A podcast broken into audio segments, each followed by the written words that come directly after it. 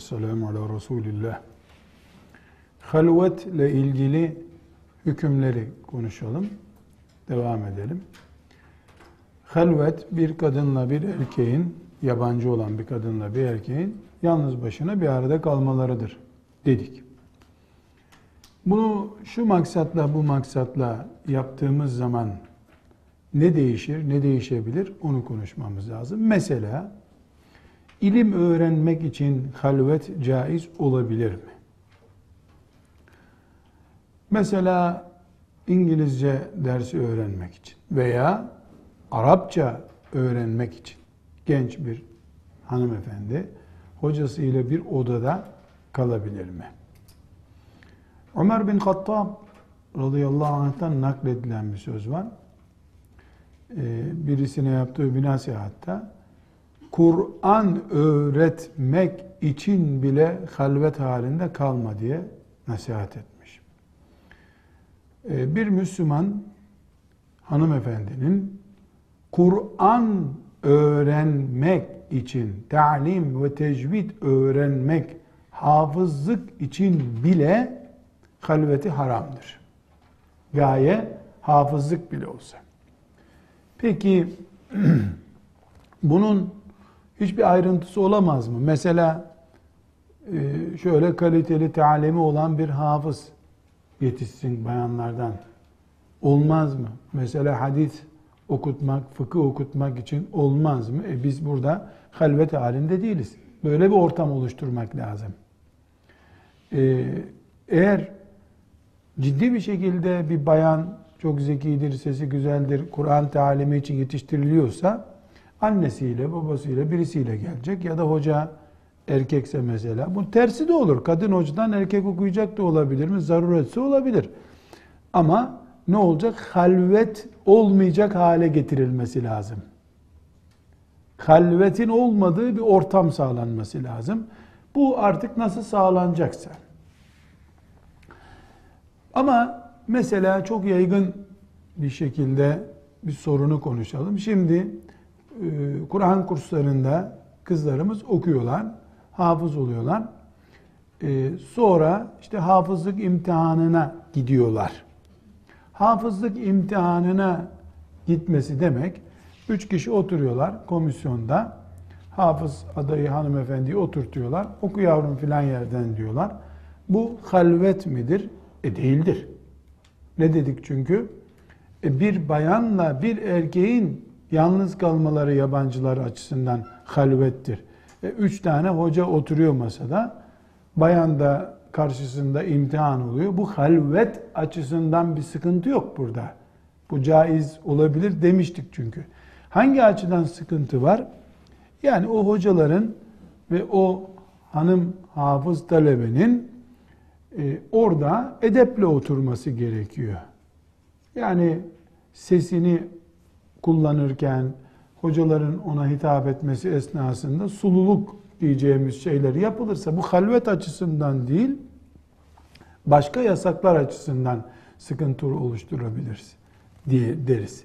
Şimdi kural olarak ilim gerekçesi ile bir Müslüman erkek ve bir Müslüman kadın yabancı oldukları halde birbirlerine yani namahrem oldukları halde halvet yapamazlar. İlim halvete gerekçe sayılamaz.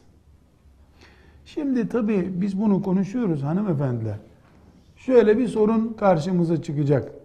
İşte e, laboratuvar çalışması var filanca derste. Ya bunu hangi ders için yapıyorsun? Yani senin İngilizce laboratuvar çalışman bilmem ne bunlar zaruri şeyler mi? Bir iş farz-ı ayın olur da o farz-ı ayın o kadının üzerine e, yönelir. E, o zaman belki bir zaruretten hani mesela doktorun muayenesinde konuşacağımız gibi öyle bir ortam ortaya çıkabilir. E, tıp eğitimini zaruret diyelim. Tıp eğitimi dediğin toplu yapılıyor.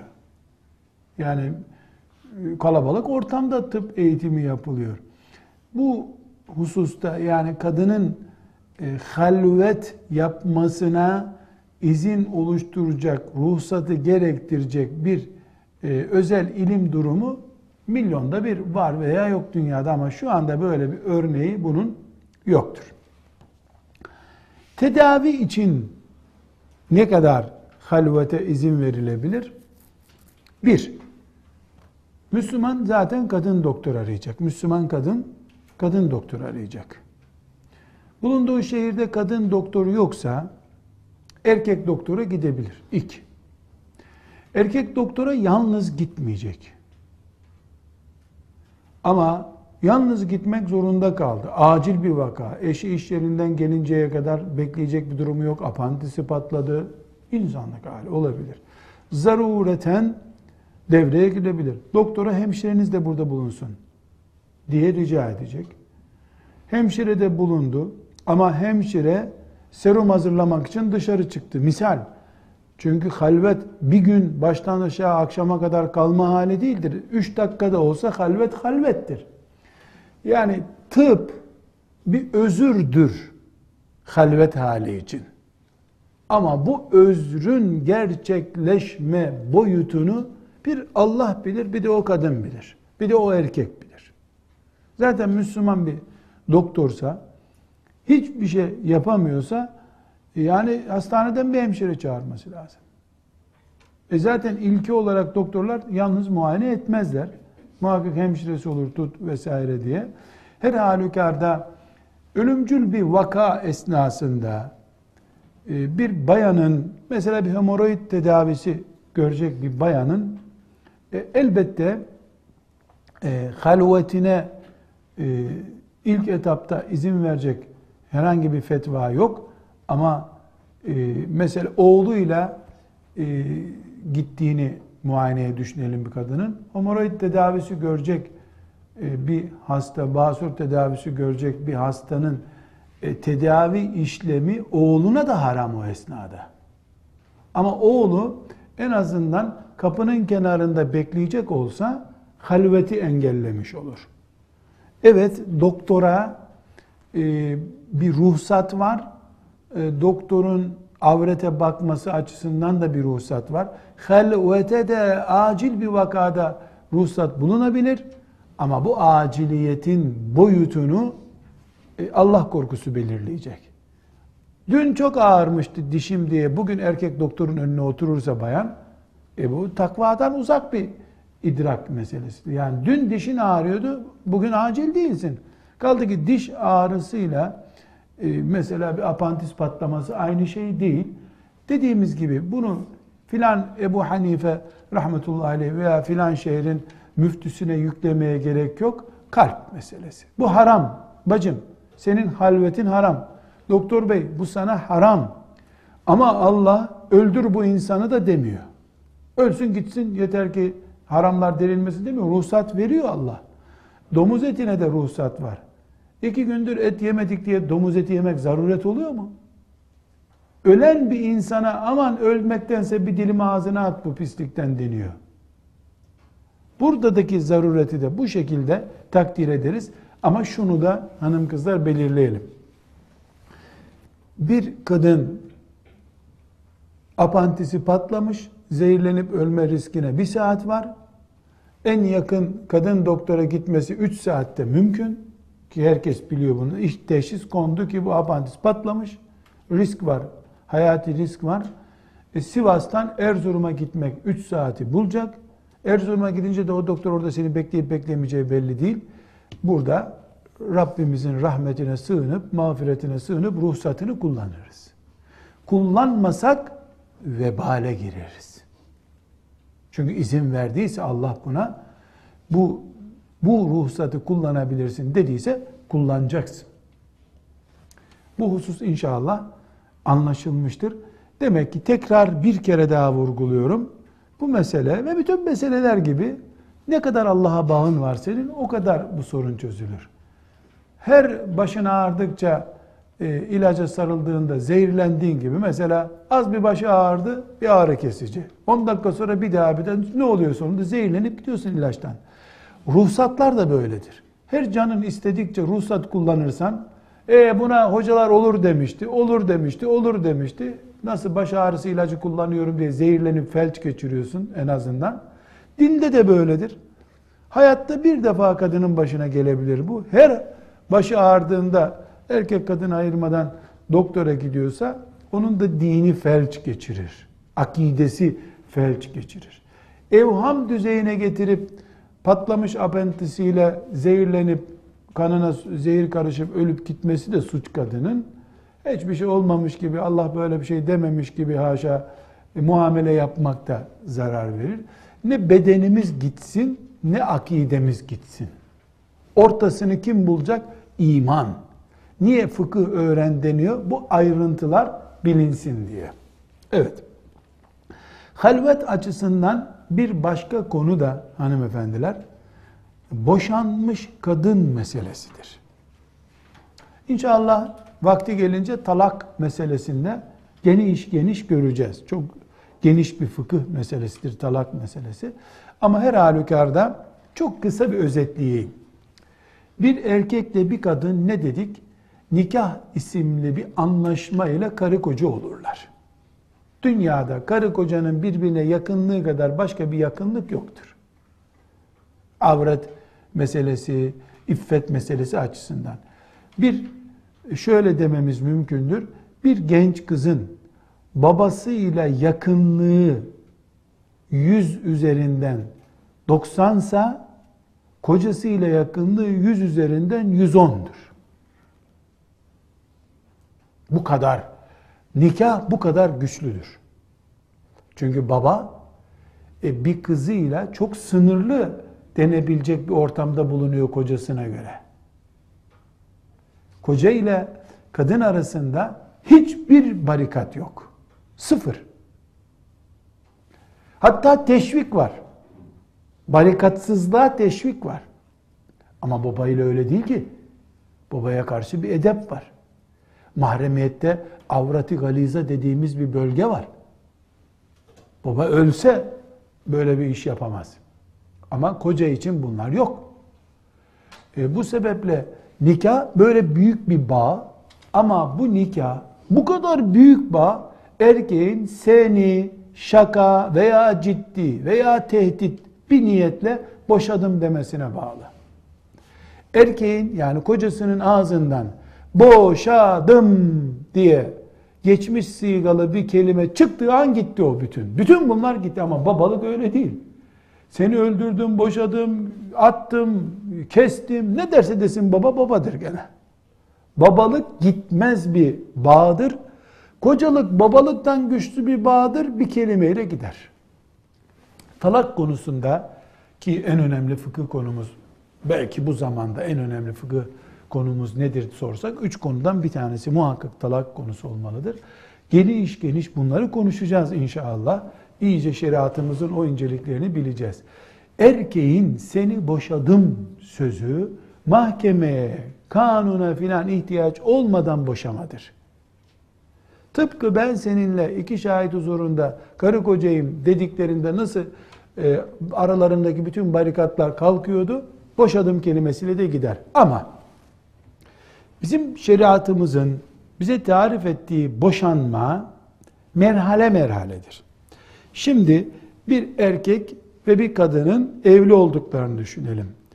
Erkek kadının aybaşı olmadığı bir mevsimde aybaşı değilken erkek aybaşı değilken hanımı onu boşamak istiyorsa seni işte diyelim ki kızın adı Leyla, kadın Leyla seni boşadım. Gerçi boşayacak bir adam karısının ismini anmaz.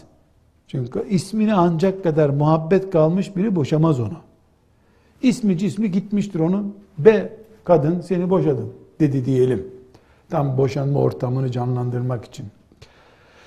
Boşadım dediğinde kadın aybaşı değildir muhakkak. Olmaması gerekiyor. Yoksa haram işlemiş olur. Bu bir boşamadır fiilen. Ama kadın aybaşı olacak, temizlenecek. Tekrar aybaşı olacak, temizlenecek. Tekrar aybaşı olacak. Üç aybaşı oluncaya kadar erkeğin o boşadım sözünü geri alma hakkı var. Buna ric'i talak diyoruz. Ric'i talak demek boşamayı geri alma hakkı olan talak demek. Erkeğin bunu iki defa yapma hakkı vardır. Ama bu iki defa yapma hakkı erkeğin üçüncüde biter ve bir daha bir araya gelemezler. Eğer bir erkek birinci hakkını kullandı, sonra ikinci hakkını kullandı, o nikah artık kırmızı çizgiye gelmiştir. Yani birinci hakkını kullandı, geri aldı veya almadı ayrı bir konu diyoruz. Eğer birinci hakkını kullandıysa, geri aldıysa üçüncü aybaşı olmadan önce veya üçüncü aybaşı esnasında tamam affettim seni gel bir daha da böyle istemiyorum ha. Neyse artık aralarındaki kavga. İki hakkı kalmış bir erkektir o. Nikah filan gerek yok. Boşadı ama o diyelim üç ay sürecek bu kanama, işte aybaşı hali ve temizlik hali diyelim üç ay sürecek. Üç ay içinde geri aldığı zaman otomatik olarak e, erkek karısını geri aldı. Bunu bir kavga kabul ederiz. Ric'i talak. Fakat kadın üçüncü ay başısını bitirdi, erkek ben seni geri alıyorum demedi. Otomatik ayrılık gerçekleşti. Buna bain talak diyoruz. Üç ay içinde alma hakkına ne demiştik? Ric'i talak, geri alma hakkı. Siz bunu böyle bir şema gibi yapabilirsiniz. Talak zamanında zaten şematik yapıp ben getireceğim size ama şey, erkek boşuyor, ric'i talakla boşuyor, bain talakla boşuyor. Ric'i talak ne demek? Üç ay başı olmadan geri alıyor hakkını, boşama hakkını demek. Eğer üç talak hakkının birincisi olan ric'i talakı kadın üçüncü ay başını bitirmeden geri almazsa şartel inmiş oluyor. Buna bain talak diyoruz.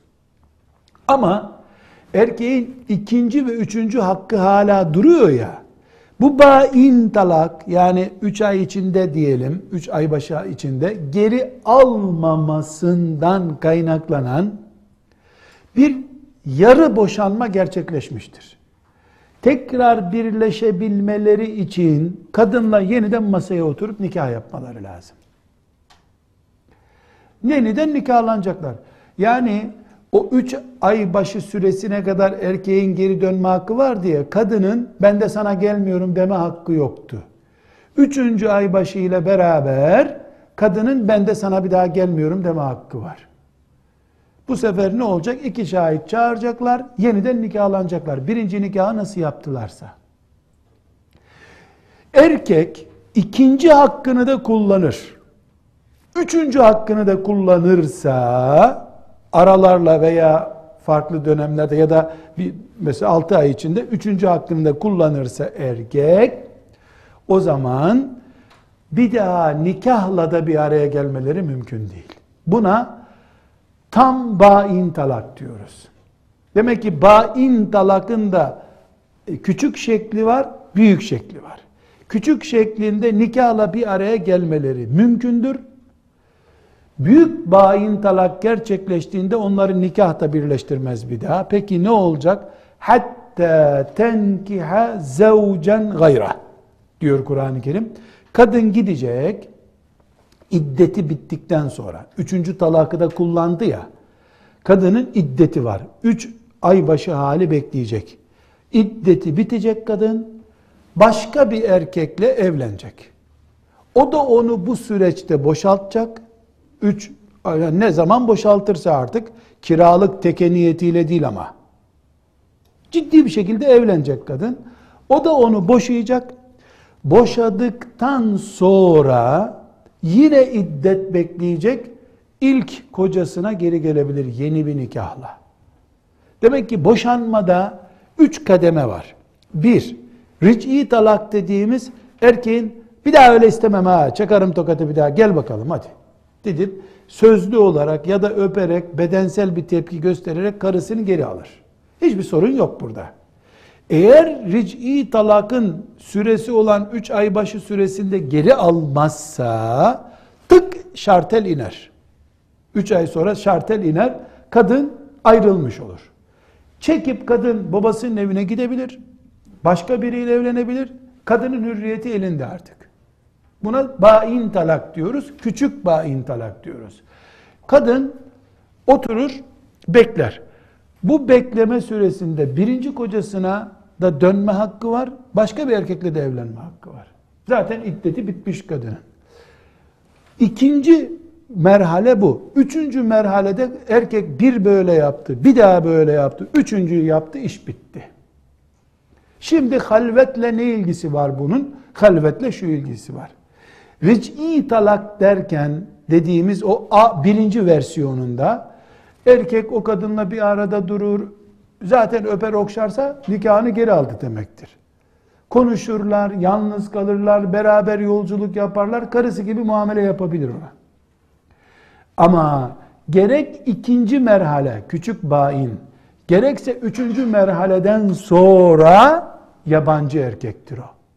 Halvet haram bu sefer. Ne demek halvet haram? Boşadığı bir kadınla bir erkek ancak ric'i talak dediğimiz dönemde bir arada olabilirler. Aynı evde oturabilirler. Aynı odada yatabilirler. Biri çek yatın bir tarafına, öbürü de bir tarafına. Bakma bana, tamam sen de bakma. Küs numaraları yapabilirler. Ama bain talakın AB versiyonları devreye girince bakma bana demekle yok öyle. Aynı odada yabancı erkek hükmünde bu. Neden? Nikahsız yabancı adam durumunda o çünkü.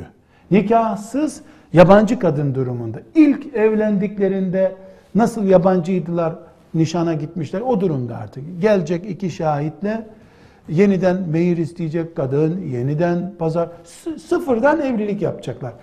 Tek kolaylık nerede burada? Şurada. Kadın yeniden pazarlık yapma hakkına sahip oldu o kadar. Buna nikah tazeleme de deniyor Anadolu'da. Ama nikah tazeleme talak konusunda bunu göreceğiz. Çok uyduruk bir şeydir.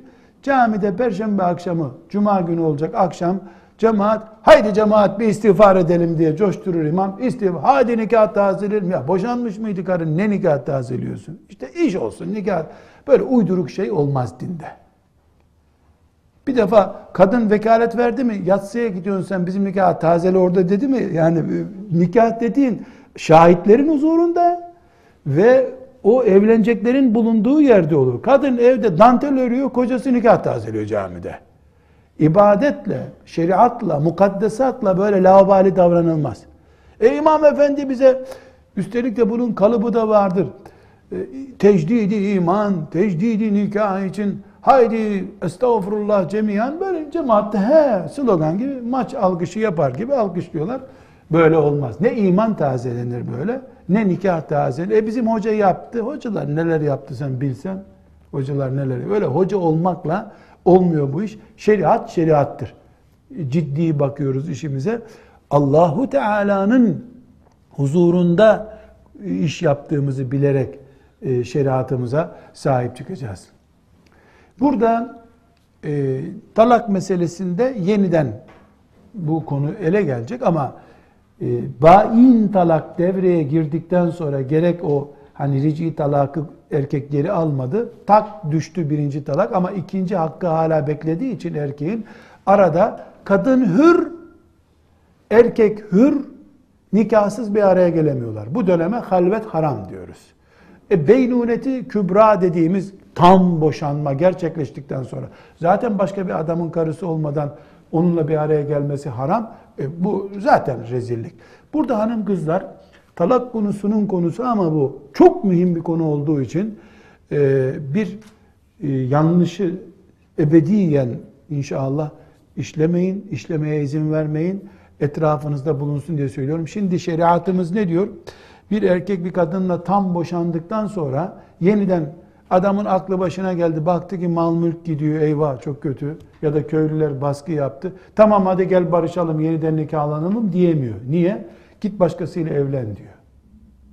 Bu şu demek değil. Git uyduruk bir nikah yapsınlar sana. Tamam mı? Yalandan da kocacığım mocacığım de adam sinirlensin, başladım seni desin. Yok böyle bir şey. Hatta tenkiha zevcen gayra diyor ayet ya.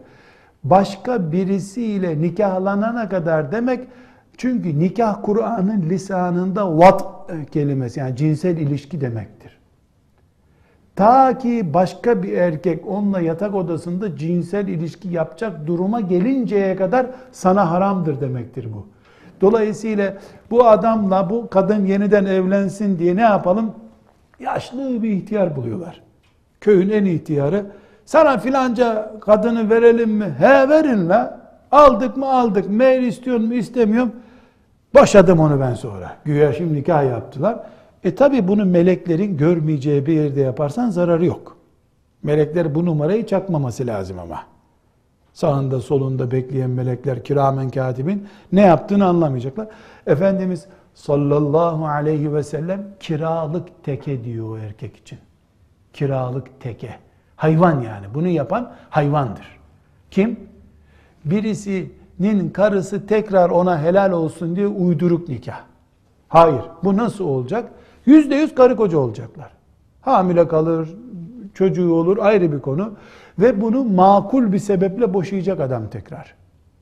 İkinci koca. Nasıl makul bir sebeple? Ulan adam seni haklıymış boşamakta. Lanet kadın git gözün görmesin seni diyecek. Bunu da samimi söyleyecek. O da e, zaten bir erkek 10 sene 20 sene karısı olan birisine başka bir erkeğin eli değdikten sonra geri almaz onu bir daha. Allah talakı helal olarak erkeklere hak tanıyor ama önlerine de böyle büyük barajlar koyuyor. Boşamasın kadınların insanlar sabretsin diye veya da başka bir hikmetten dolayı bizi ilgilendirmiyor. Evet. Başka bir mesele halvetle ilgili. Dedik ki bir erkek bir yabancı kadınla bir arada durmayacak. Üçüncü bir kimse olacak. Peki üçüncü kimse kim olacak? Ee, işte mahremi olacak.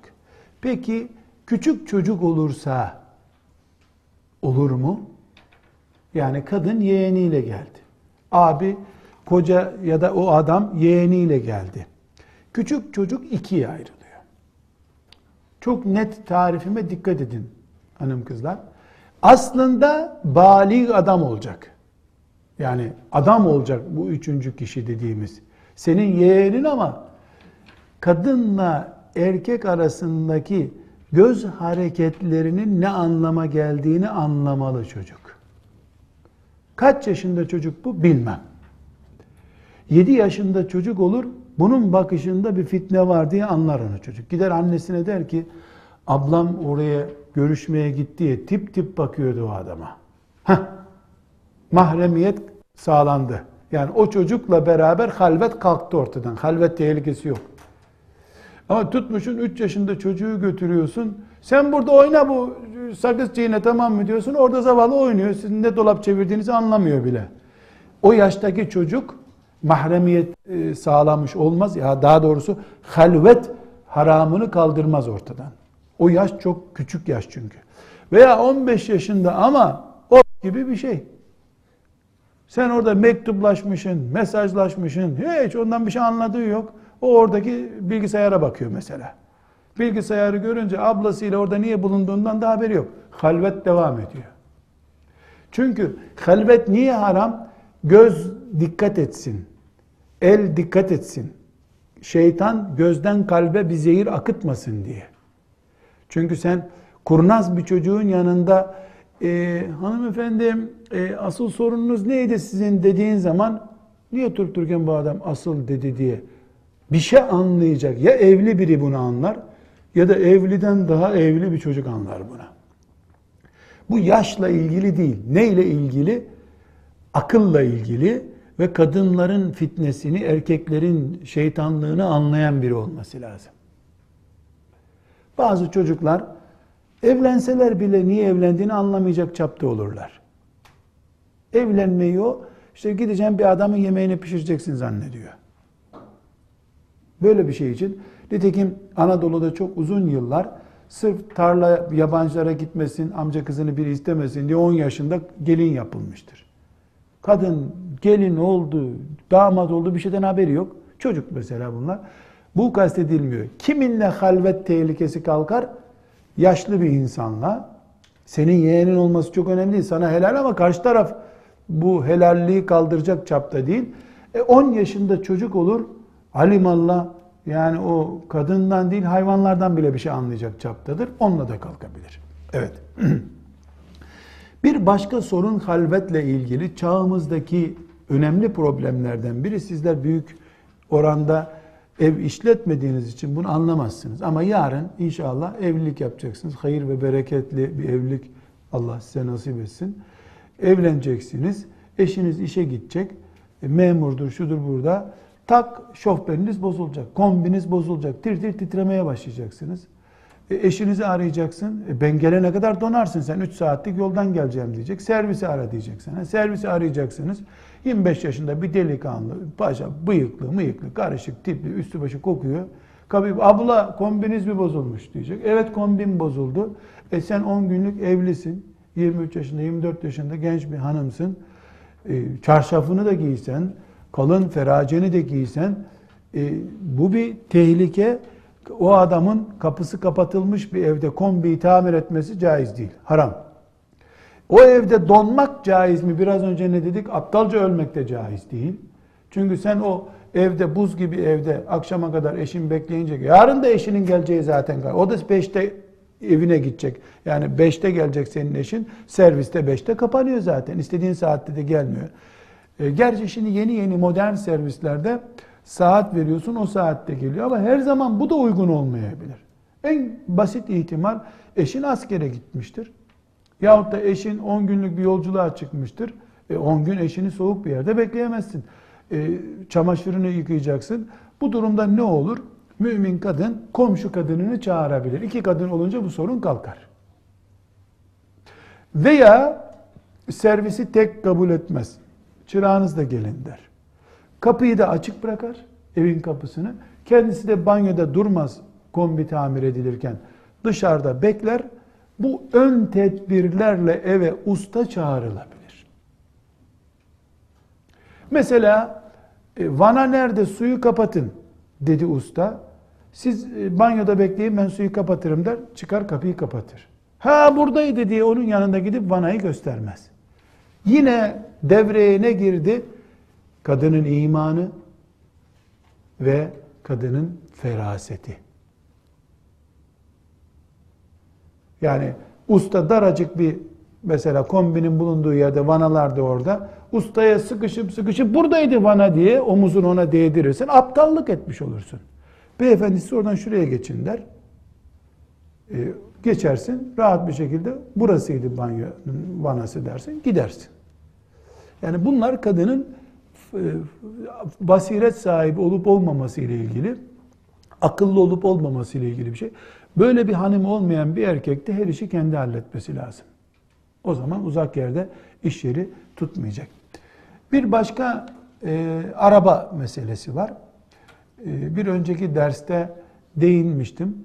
Ücretli taksiyi yani 10 bin taksinin dolaştığı bir cadde üzerinde veya da iç şehir içi trafiğinde camları açık bir taksiyi tehlike kabul etmeyebiliriz. Gerçi fukahanın önemli bir bölümü, bu çağdaş fukahanın önemli bir bölümü ücretli taksiyi e, halvet kabul ediyorlar. Otobüste bile tek başına kalsa kadın bunu halvet kabul ediyorlar. El hak haklıdırlar da. Ama ben kadının acilen hastaneye yetişmesi lazım. İşte apantisi patladı gibi bir gerekçeyle kabul ediyorum.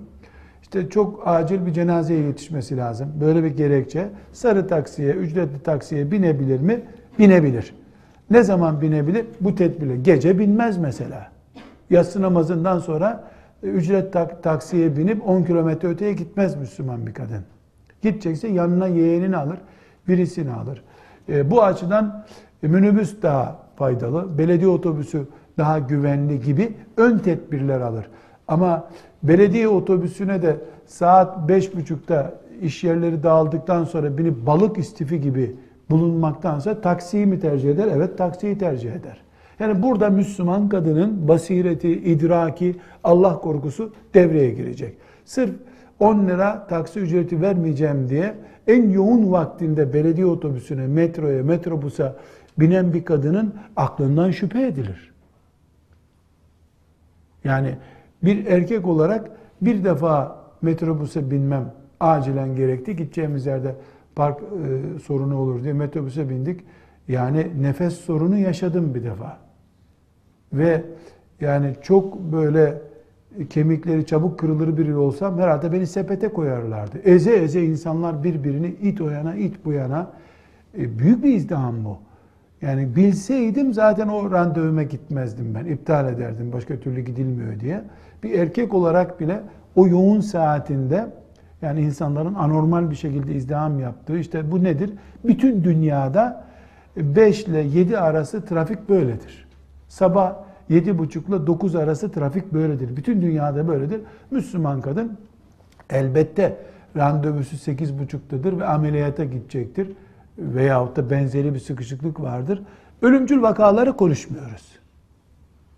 Ama mümin kadın kendine göre böyle bir değerlendirme yapacak deriz. Bir başka sorun e, özürlülerle bir arada halvet olur mu? Misal işte kayın ne dedik kayınlar için? Yani kocanın kardeşi ecnebidir. Yani yabancıdır sana haramdır bir arada durman halvettir dedik. Peki bu engelli biridir diyelim. Tekerlekli sandalyesinde dolaşıyor. Engellileri, hastaları iki türlü kabul ediyoruz. Birincisi e, çıplak bir kadın görse bile onu ayrıt edemeyecek. Yani cinsel olarak kadına bakamayacak bir erkek olur. Veya kadın açısından da olur tabi. Erkeğin kadının mahremiyetini düşürürken erkeğin özürlüsünü düşündük. Erkek açısından kadın mahremiyetini düşündüğümüzde bu türlü düşünüyoruz. Şimdi karşı cins düşününce yani bu niye böyle saçları uzun ki bunun diye düşünüyor. Ya da kadınla erkek arasında cinsel fark var böyle bir şey anlayamıyor. Deli değil ama beyinde gerilik var. Bunu mahrem kabul ediyoruz. Yani dayı gibi. Mesela kaynı aslında ona haram, yabancı ama kaynı var 30 yaşında özürlü. Kadın erkek diye bir ayrımı yok. Önüne tencereyi koysan tamamını yiyor. Doyduğunu anlamıyor. Zeka özürlü. Fakat ciddi bu zeka özrüne rağmen e, güçlü iri postu baksan böyle pehlivan zannediyorsun. Ama kadın diye bir duygu yok. Kadınsa erkek diye bir duygu yok. Bu dayı hükmünde, amca hükmünde. Bunda bir sıkıntı yok. Bir arada durulabilir. Fakat mesela tekerlekli sandalyede dolaşıyor ama televizyondan da kadınlı sahneleri becerip kumandayla ayarlıyor. He, bu erkek hükmünde. Bu yabancı erkek hükmünde. Yani bir insanın tekerlek sandalyeye Allah muhafaza buyursun özürlü olması çok ciddi bir e, yani cinsellik köreltmesi değil onda.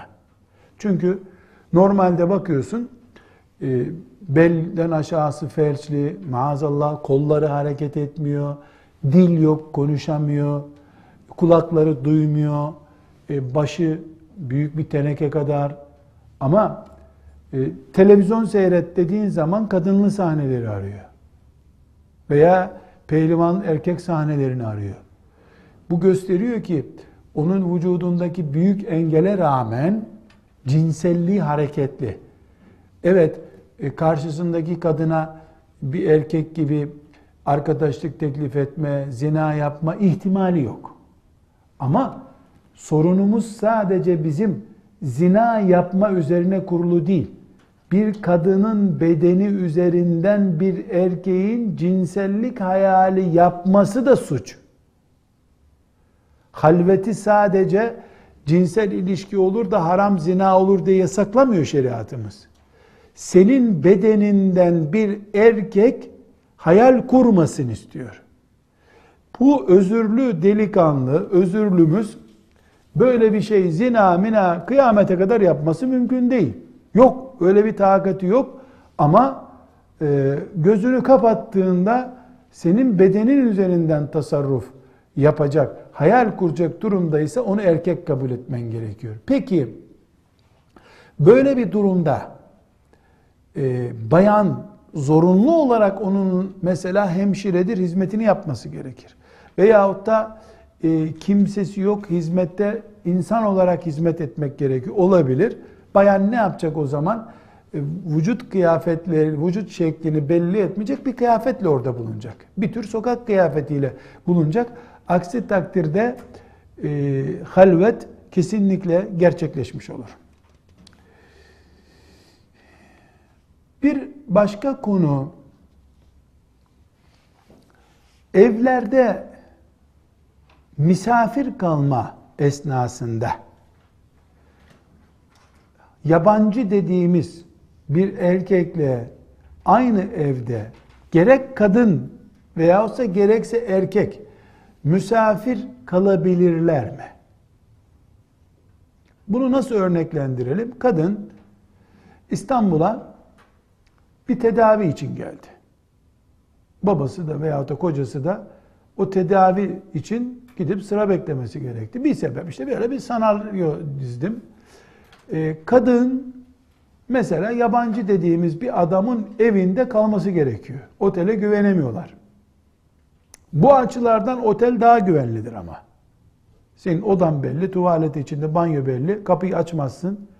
Otelci de giremez, kimse de giremez. Otel daha güvenli. Kendi evin gibi yani.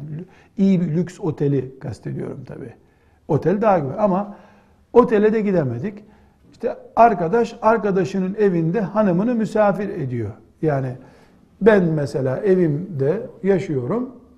Ee, benim bir arkadaşım da işte böyle İstanbul'a geldi. Hanımını benim evde bırakmak istedi. Bu haram mıdır?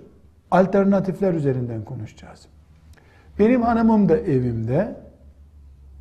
Otomatik olarak halvet kalktı zaten. Ne dedik? Kadınlar iki kişi olursa halvet olmuyor.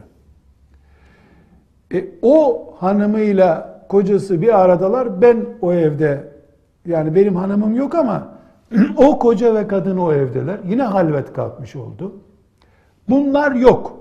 Üçüncü alternatif, en riskli alternatif. Bir erkek olarak ben evdeyim. O kadın olarak evimde misafir kalması gerekiyor. Ve bunda da zaruretimiz var. Bu caiz değil. Yüzde yüz halvet bu. İki kadın olsalardı sakınca yok. Hiç erkek olmasaydı evde yine sakınca yoktu. Ama bir erkek yatak odasında yatıyor, o misafir odasında kalıyor. Bu ne zaman caiz olabilir? Şu zaman caiz olabilir. Evin bir odası, tuvaleti vesairesi orada. O kapıyı erkeğin açıp girmesi gerekmiyor. Onun da oradan çıkması gerekmiyor. Bir gün iki gün orada tek başına durabilir. Böyle bir ev düşünün. Ev içinde ev gibi bir ev. Böyle bir pozisyonda zaruret miktarından dolayı kalınabilir. Bunun dışında halvet oluşturacak bir ev ortamına asla izin yoktur. Burada bunun bir yavrusu var. Bu sorunun bir yavrusu var. Bu yavruyu şöyle açıklayayım. Bir delikanlı 85 yaşında bir neneyle evde halvet olması gerekiyor. Yani birisi çok yaşlı. Veyahut da ikisi 75 yaşında dede ile 70 yaşında nene gibi yaşlı insanlar halvet hükümlerinde yaş farkı söz konusu değildir. Yani 100 yaşında bir kadınla 40 e, yaşında bir adamın veya tersi halveti yine haramdır. Yaşlıyla genç halvet hükümlerinde aynı. Bu hususta çok önemli bir ayrıntı olarak zihnimizde kalmalı. Halvetle ilgili hanımefendiler e, aldığım notlarıma bakıyorum.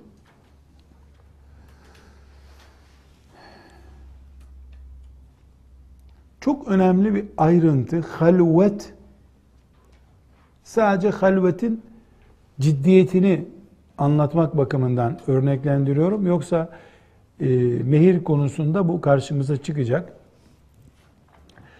Erkekle kadın nikahlanabilmeleri için mehir konuşurlar değil mi? Ne der? Sen bana 150 gram bilezik alacaksın.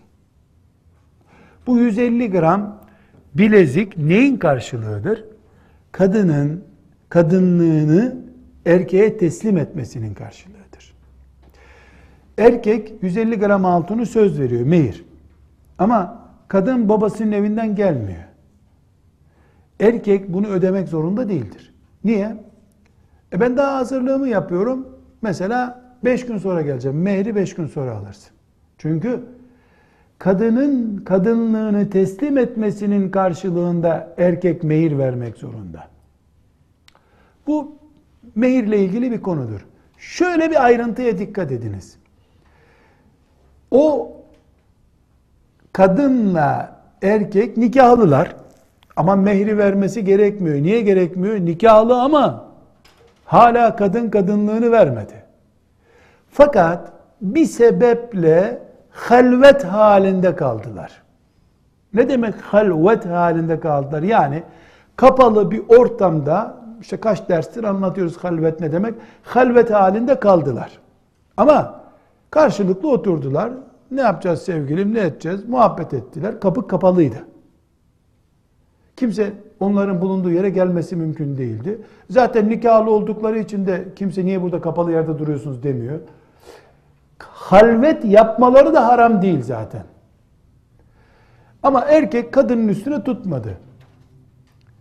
Sonra kadın iki gün sonra dedi ki sen benim mehrimi hala niye vermiyorsun? E, daha karı koca olmadık ki diyemiyor erkek. Mehri vermesi gerekiyor. Neden? Çünkü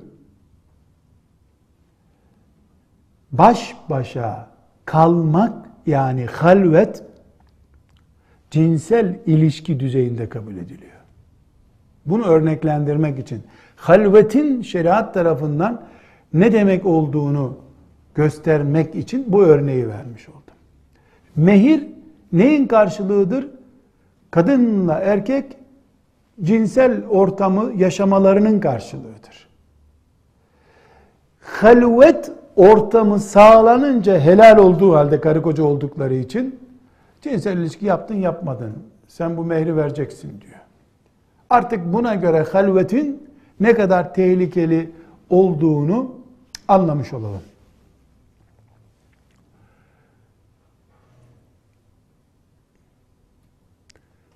Bu meselenin fıkıh ayrıntılarını kitaplarda çok farklı bir şekillerde bulabilirsiniz. Mesela maalesef dünürler arası ilişkide haram olduğu halde halvette sakınca bulunmuyor. Dünürler ne demek? Kızla erkek evlendiler. Ayşe ile Ahmet evli. Ayşe oranın kızı oldu. Ahmet de öbür tarafın oğlu oldu. Kaynanasına anne hükmünde davranacak. Ama kaynanalar arasında dünür dediğimiz yani bunun kaynanası ile öbürünün kaynatası, onun kaynanası ile öbürünün kaynatası arasında hiçbir e, yakın ilişki yoktur. Bir insan oğlunun kaynanasının yabancısıdır. Halvet yapamazlar. Bir insan kızının kaynatasıyla yabancı durumdadır. Halvet yapamazlar. Nişanlıyken zaten yok böyle bir şey. Nikahlıyken de böyle bir durum yok. Nişanlının kaynanası yani daha ileriki kaynana adayı hiçbir şeysi değil zaten. Dünür nişanlıların üst dünürlerinin de birbirleriyle bir alakaları yoktur. Ne zamana kadar? Öbür zamana kadar. Peki bir insanın yeğeni yani benim kız kardeşim kızım hükmündedir. Kız kardeşimin kızı affedersiniz. Kız kardeşimin kızı veya erkek kardeşimin kızı benim kızım hükmündedir. Oğlu da yani yeğenim oğlum hükmündedir. Evlendikleri zaman kocaları neyimdir veya kız- kızları neyimdir? Hiçbir şeyimdir. Yani benim erkek yeğenim oğlum gibidir. Kız yeğenim de kızım gibidir. Kocası veya karısı hiçbir şeyimdir. Onunla halvetim caiz mi? Haram. Çünkü benim mahremim değil o.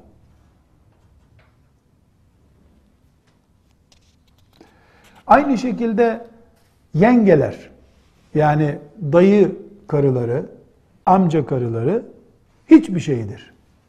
Ne demek hiçbir şey? Mahremim değil. Dayın boşadığı zaman sen onunla evlenebilir misin? Evlenebilirsin. Yabancın o senin. Amcan karısını boşayacak olsa evlenebilir misin? Evlenebilirsin. Hiçbir şeyin değil o senin. Bir arada durabilir misin? Onlarla duramaz. Yolculuğa çıkabilir misin? Çıkamaz. Bir son mesele hanım kızlar bununla ilgili. İslam dininde, şeriatımızda evlatlık yoktur. Kimse karnından çıkmadığı bir kadına anne diyemez. Sperminden yaratılmadığı bir adama baba diyemez.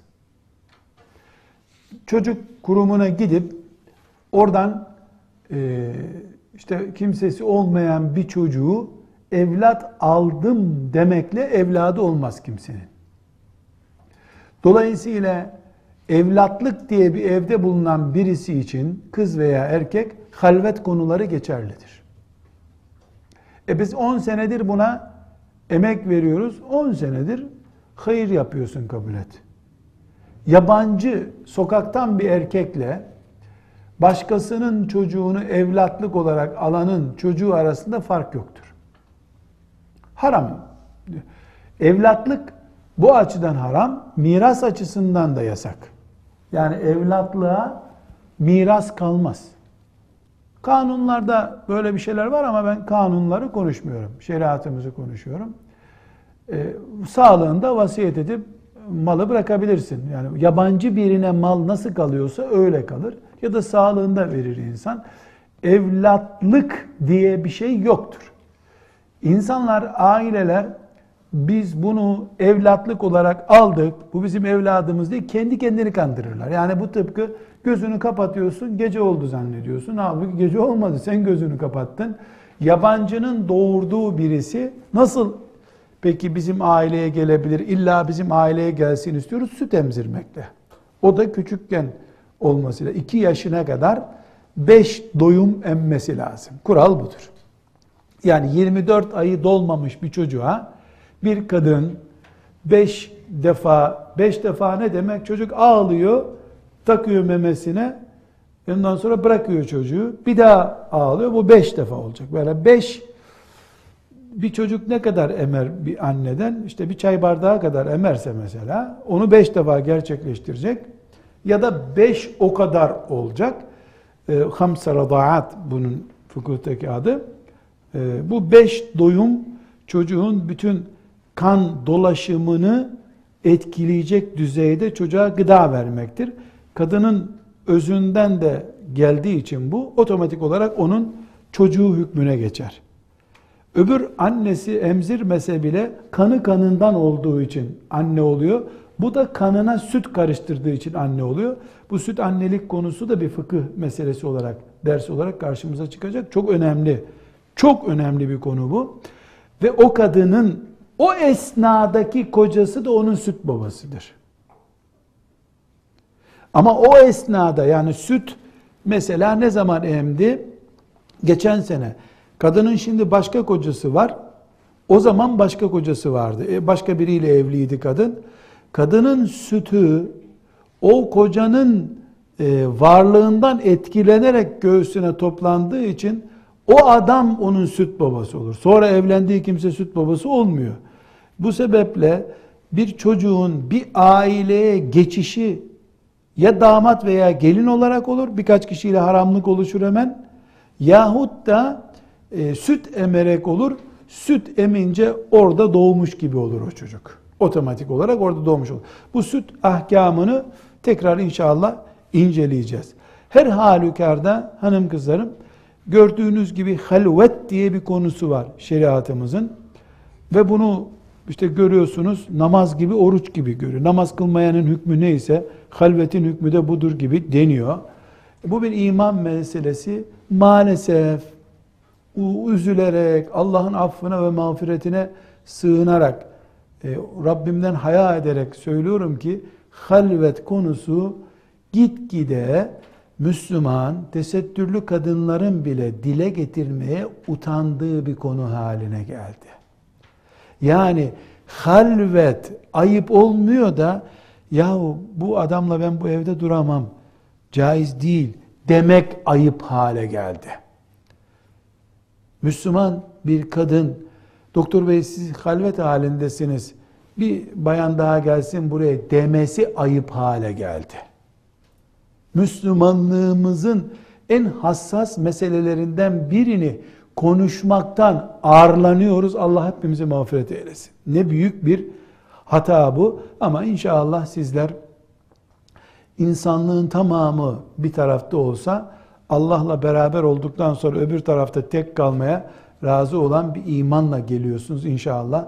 Yeni nesiller siz olursanız e, belki bir zaman sonra e, halvet tekrar ayıp hale gelecek, utanılır şey haline gelecek. Halveti savunan da ümmetin Ayşe'si, ümmetin Meryem'i ve Asiye'si olacak inşallah.